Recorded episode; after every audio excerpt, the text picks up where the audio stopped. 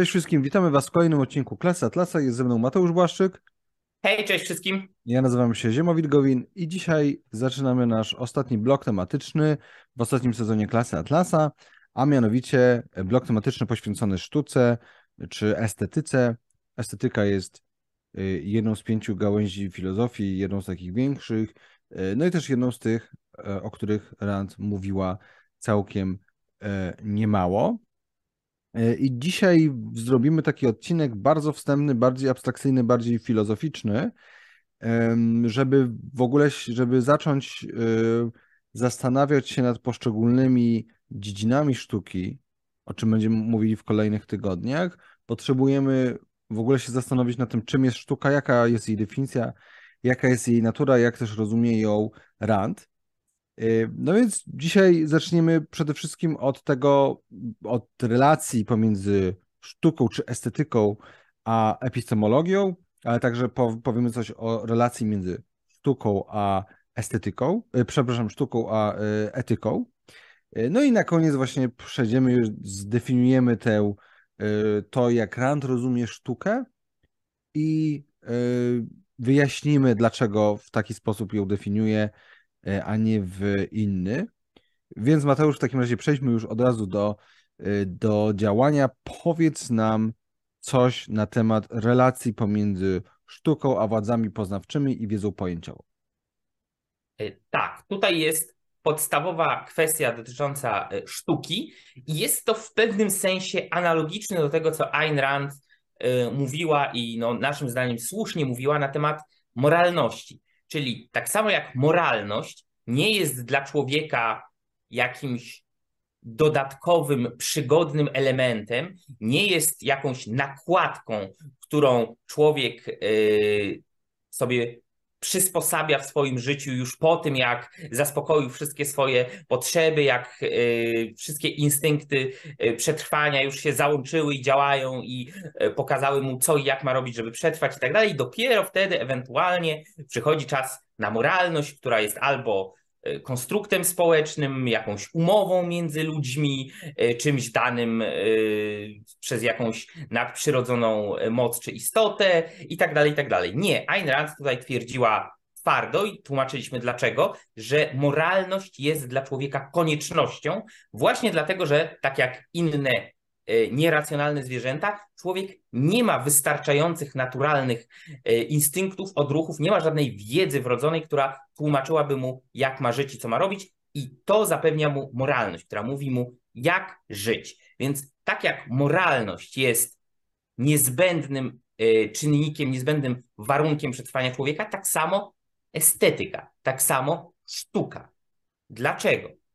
E, otóż e, Rand zauważa, że jest nierozerwalna więź między przetrwaniem człowieka jako człowieka a sztuką.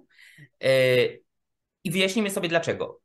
Jeśli pamiętacie, nie tak dawno temu, przed blokiem o polityce, mówiliśmy o epistemologii, mówiliśmy o tym, jak tworzy się pojęcia i wiedzę pojęciową oraz o tym, że kwestia, że wiedza jest czymś, co jest hierarchiczne i kontekstowe, czyli budowane pewnej hierarchii, są pojęcia wyższego rzędu, niższego rzędu i w kontekście już zdobytej wiedzy. I dlaczego ta wiedza pojęciowa i kontekstowa w ogóle jest człowiekowi potrzebna? Ponieważ E, człowiek nie jest w stanie utrzymać w swoim umyśle jakiejś niezliczonej, niewielkiej liczby konkretów, tak? Nie jest w stanie utrzymać w umyśle wiedzy, czy nawet świadomości istnienia, powiedzmy, niezliczonej liczby stołów, niezliczonej liczby gatunków zwierząt, niezliczonej liczby pieniędzy na swoim koncie i tak dalej. Dlatego tworzy pojęcia wyższego rzędu, tak? E, pojęcie pieniądza, które mówi mu o wszystkich pieniądzach, jakie on posiada, albo jakie posiadają ludzie. Pojęcie zwierzęcia, które mówi o wszystkich zwierzętach, jakie żyją, tak aby nie musieć myśleć o niezliczonym tumulcie tych zwierząt. E, I tak samo jak e, wiedza zmysłowa wymaga takiej konkretyzacji, konkretyzacji w pojęcia i to pojęcia później coraz wyższego rzędu, tak samo same pojęcia, aby móc na nich Y, operować, też wymagają tego, aby człowiek był w stanie w pewnym sensie je skonkretyzować, czyli aby mógł uchwycić pojęcia tak, jak uchwytuje y, konkrety, tak jak myśli o pojedynczym stole, tak aby mógł myśleć o pojęciu wyższego rzędu, takim jak sprawiedliwość, szczęście, altruizm, cokolwiek innego. E, I sztuka jest właśnie tym, co umożliwia i pomaga człowiekowi utrzymać taką ogromną liczbę abstrakcyjnych pojęć w postaci jakiegoś jednego możliwego do uchwycenia konkretu. Na przykład mamy jakiegoś bohatera literackiego, albo mamy przedstawienie jakiejś postaci w formie rzeźby czy obrazu i tak dalej. I jest to coś, co może skonkretyzować ogromną liczbę złożonych abstrakcyjnych pojęć i pozwala ich używać jako pojedynczej jednostki. Czyli mamy y, Dawida, Michała Anioła, y, który szykuje się do walki z Goliatem. I w tym jednym przedstawieniu, w tej jednej reprezentacji mamy człowieka, który, jeśli tylko wiemy, kim jest Dawid, a w domyśle zawsze, ale nawet jeśli nie wiem, nawet jeśli nie wiem, jeśli wiemy, mamy dodatkowe pojęcia, które do tego dochodzą, ale nawet jeśli nie wiemy, widzimy heroiczną y, sylwetkę człowieka, który szykuje się do jakiegoś wielkiego wyzwania. Jeśli wiemy, co to jest za wyzwanie, dochodzą do tego kolejne pojęcia i to wszystko jest skonkretyzowane w jednej rzeźbie, tak? Mamy postać Howarda Rorka ze źródła, który też jest konkretyzacją i ucieleśnieniem wielu pojęć, bo może ucieleśniać niezależność twórczą, może y, ucieleśniać nonkonformizm, może ucieleśniać y, ideę y, kreatywnej jednostki w opozycji do idei y, pasożyta y, i y, kogoś, kto żyje życiem z drugiej ręki i tak dalej, i tak dalej. I jednocześnie obok bycia konkretyzacją wielu pojęć, jest też jednostkowym, konkretnym przedstawieniem człowiekiem y, z krwi i kości, tak, ma rude włosy, ma takie, a nie inne y, rysy twarzy, zakochuje się w takiej, a nie innej y, kobiecie, ma takich, a nie innych przyjaciół i tak dalej. I to właśnie umożliwia sztuka, to właśnie umożliwia przedstawienie czy to postaci, czy to miejsc, czy to zjawisk za pośrednictwem różnych mediów dostępnych artystom. E, I tutaj pozwolę sobie zacytować krótki cytat z eseju e, Psychoepistemologia sztuki, The Psychoepistemology of Art, e, który Ayn Rand zamieściła w zbiorze The Romantic Manifesto. Cytuję.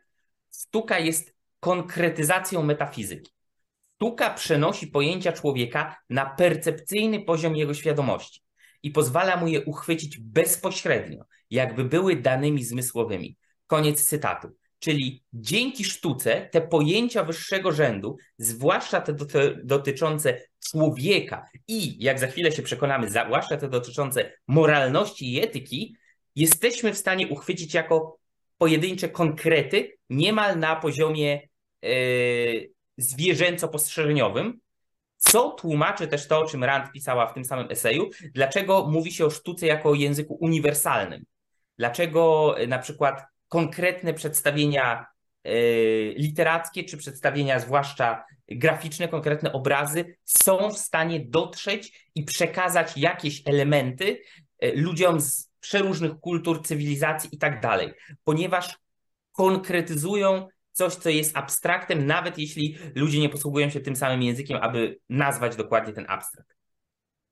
No i teraz druga część tego, co robi sztuka, jak Matusz powiedział, ona konkretyzuje wiedzę o, o świecie, o e, człowieku, o tym generalnie, jaki świat jest, czyli moglibyśmy to nazwać poziomem deskryptywnym, opisowym, ale także konkretyzuje to, jaki świat i człowiek po, po, powinien być.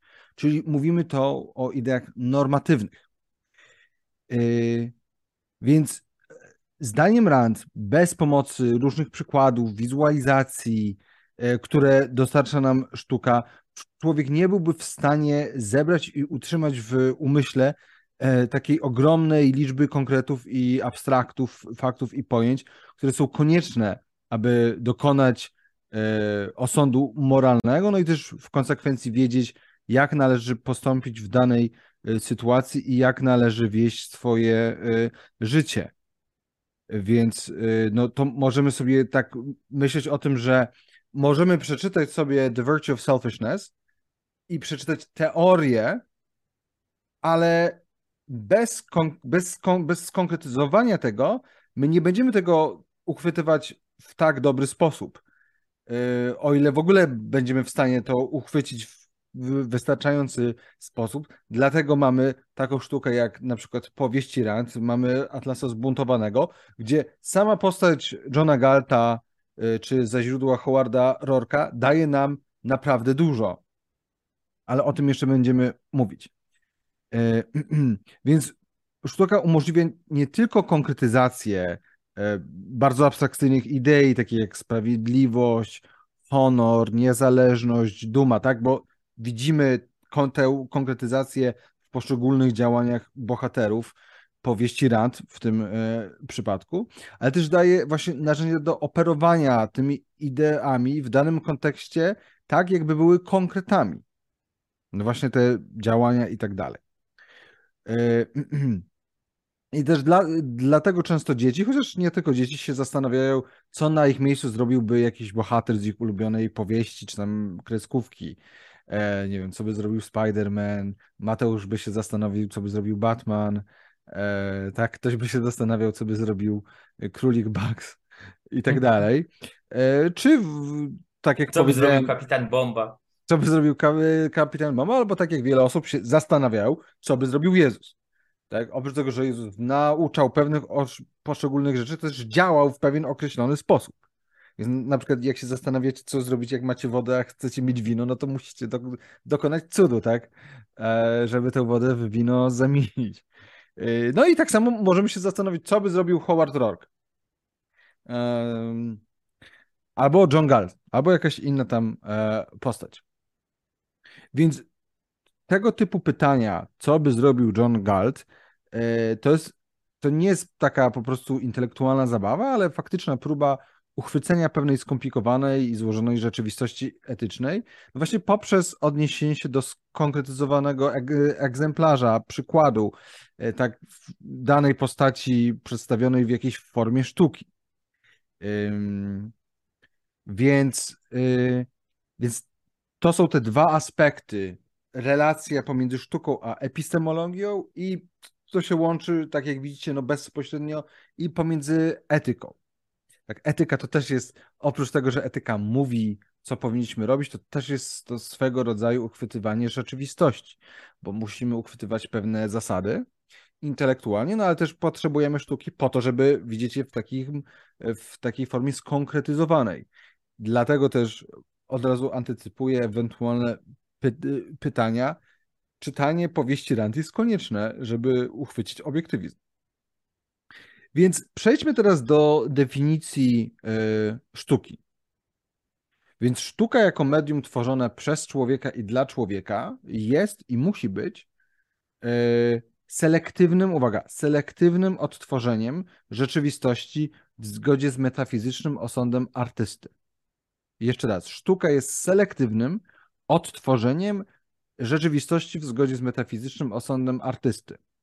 To teraz sobie powiedzmy, y, możecie sobie tę definicję zapisać. I teraz powiedzmy, Mateusz, po kolei, co oznacza, że, y, że ty powiedz może, co to znaczy, że sztuka jest odtworzeniem.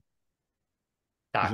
Y, sztuka jest odtworzeniem rzeczywistości i tu zaraz ktoś może powiedzieć, ale, ale, zaraz, jak to? odtworzeniem rzeczywistości, przecież sztuka może przedstawiać znacznie więcej niż jest w rzeczywistości. Możemy napisać e, powieść o kosmitach, e, krasnoludach i elfach, możemy namalować e, jednorożca albo wodospad płynący do góry zamiast w dół, możemy mieć sztukę w stylu Salvadora Dali i tak dalej. I jakie to jest odtworzenie rzeczywistości? Otóż jest, ponieważ artysta odtwarza elementy zaczerpnięte z rzeczywistego świata, i tak jak wszelka inna wiedza, ma to swoje najbardziej pierwotne źródło w danych zmysłowych. E, I oczywiście artysta może i często, jeśli chce przedstawić konkretne rzeczy zgodne z jego wizją, powinien wychodzić poza granice prawdopodobieństwa, właściwe prawdziwemu światu e, i tworzyć i kompilować e, elementy niezwykłe, fantastyczne i tak dalej, ale to wszystko pochodzi w ten czy inny sposób z odwzorowania jakiegoś elementu prawdziwego świata. E, choć oczywiście odwzorowania uczynionego przez twórcę i na jego sposób. Czyli mówiąc krótko, tak, każdy smok, jednorożec, gadający stolik, latający dywan, uczciwy polityk i tak dalej, e, jakkolwiek by nie były fantastyczne, także podpadają pod kategorię rekreacji rzeczywistości. Czyli to jest to, jeśli ktoś tutaj chce się odwołać do.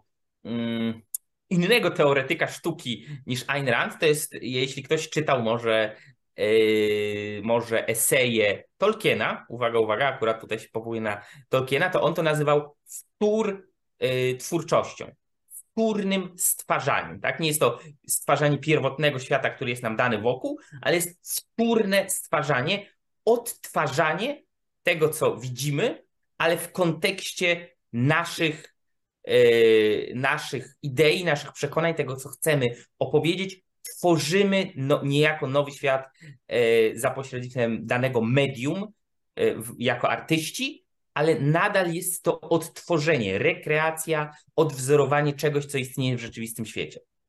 Więc to jest pierwsza rzecz z definicji.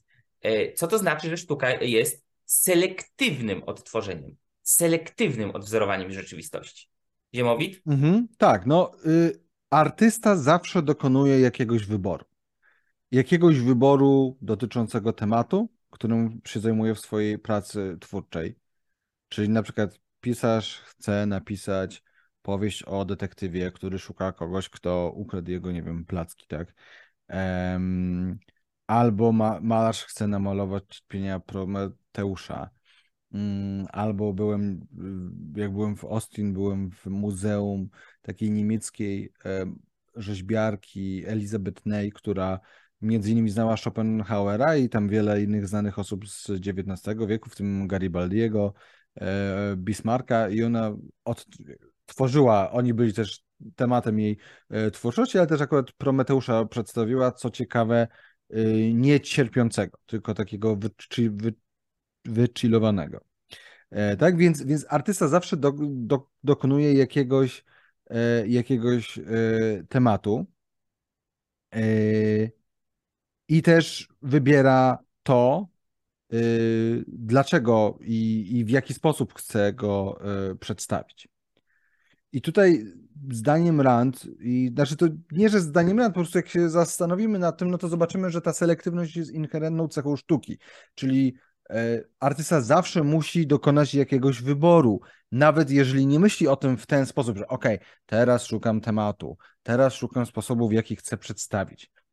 E, zawsze on musi wybrać co i jak chce przedstawić. E, nie ma takiej możliwości, że mógłby niczego nie wybrać. Tak? Więc ten wybór jest czymś, e, czymś koniecznym.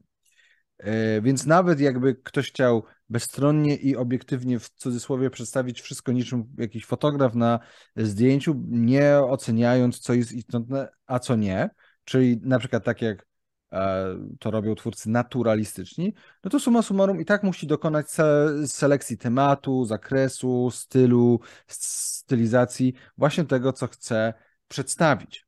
No więc sztuka jest odtworzeniem, e, że jest selektywnym odtworzeniem rzeczywistości. E, no i właśnie, w zgodzie z metafizycznym osądem artysty. To brzmi, Mateusz, strasznie dziwnie. O co chodzi? E, tak, w zgodzie z metafizycznym osądem artysty, e, czyli jest to po prostu e, podsumowanie tego, że artysta, kiedy dokonuje tej selekcji co będzie chciał odtworzyć, tego wyboru dotyczącego elementów świata rzeczywistego, który będzie odwzorowywał w ten czy inny sposób poprzez swoją sztukę, to artysta w tym swoim wyborze, w swojej selektywności musi się czymś kierować. Niezależnie od tego, czy będzie robił to świadomie, czy nie. Teraz przypominam o tym, jak mówiliśmy o filozofii, e, zwłaszcza jak omawialiśmy esej Filozofii Hunidzyd, o tym, że filozofia jest czymś niemożliwym do Y, przed czym nie, nie da się uciec, ponieważ czy człowiek chce, czy nie, będzie kierował się jakimiś zasadami, które w jakiś sposób będą e, mniej lub bardziej łączyć się w jakąś życiową filozofię, w jakiś mniej lub bardziej spójny obraz życia i świata. I tak samo w przypadku artysty, artysta wybierając to, co chce przedstawić, jak chce przedstawić i wreszcie dlaczego chce przedstawić, czy o tym myśli, czy nie, musi odwołać się do czegoś i tym czymś jest właśnie metafizyczny osąd artysty. E, osąd dotyczący tego, co i dlaczego jest ważne i godne przedstawienia w sztuce i w jaki sposób. I przede wszystkim, co i dlaczego jest ważne, nie w ogóle kropka, tylko co i dlaczego jest ważne dla niego, dla tego artysty. Czyli metafizyczny osąd artysty, który łączy się zarówno z jego świadomie bądź nieświadomie wybraną filozofią, czyli z tym przykładowo, jeśli byłby E, osobą, która jest zatroskana o losy planety Ziemi i e, działająca w jakichś ruchach environmentalistycznych i ekologistycznych i tak dalej, to mógłby, nie wiem, e, stworzyć o tym obraz przedstawiający cierpiącą Ziemię, niszczoną przez fabryki, samochody, albo kręcić odcinek Kapitana Planet, albo cokolwiek innego, a jakby się zajmował czymś innym, to znów wpłynęłoby to na wybór zarówno jego tematu, jak i sposobu przedstawienia, ale to nie musi być nawet na tyle świadome. To może odnosić się do tego, co nazywaliśmy w, jednym z odcink- w jednym z poprzednich odcinków e, poczuciem życia, the sense of life, e, czyli czymś, co sprawia, że dany temat i dane ujęcie tematu jest ważne, jest istotne dla tego artysty. Nie dla każdego człowieka to samo jest istotne. E, zauważcie, weźmy prosty przykład, bo jest to sztuka wizualna, jakim jest malarstwo. Znaczy prosty. Malarstwo nie jest proste, ale przykłady będą proste.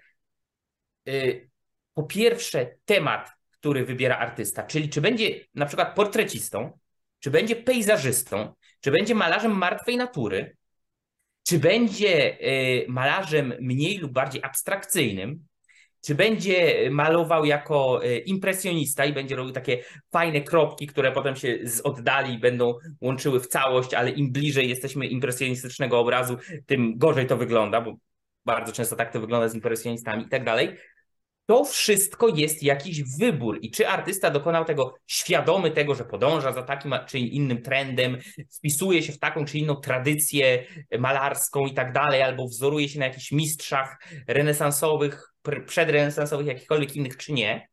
Czy jest to po prostu, a tak wyszło, to nadal jest to pewien wybór i odzwierciedlenie czegoś, co artysta myśli o świecie, o sztuce, o tym, co jest ważne, co jest nieważne, o tym, co jest e, estetyczne, co jest nieestetyczne, o tym, jaką rolę powinna odgrywać ta sztuka, czy chce przedstawić coś, co ludzi zainspiruje, zadziwi, przerazi, zniesmaczy, cokolwiek innego.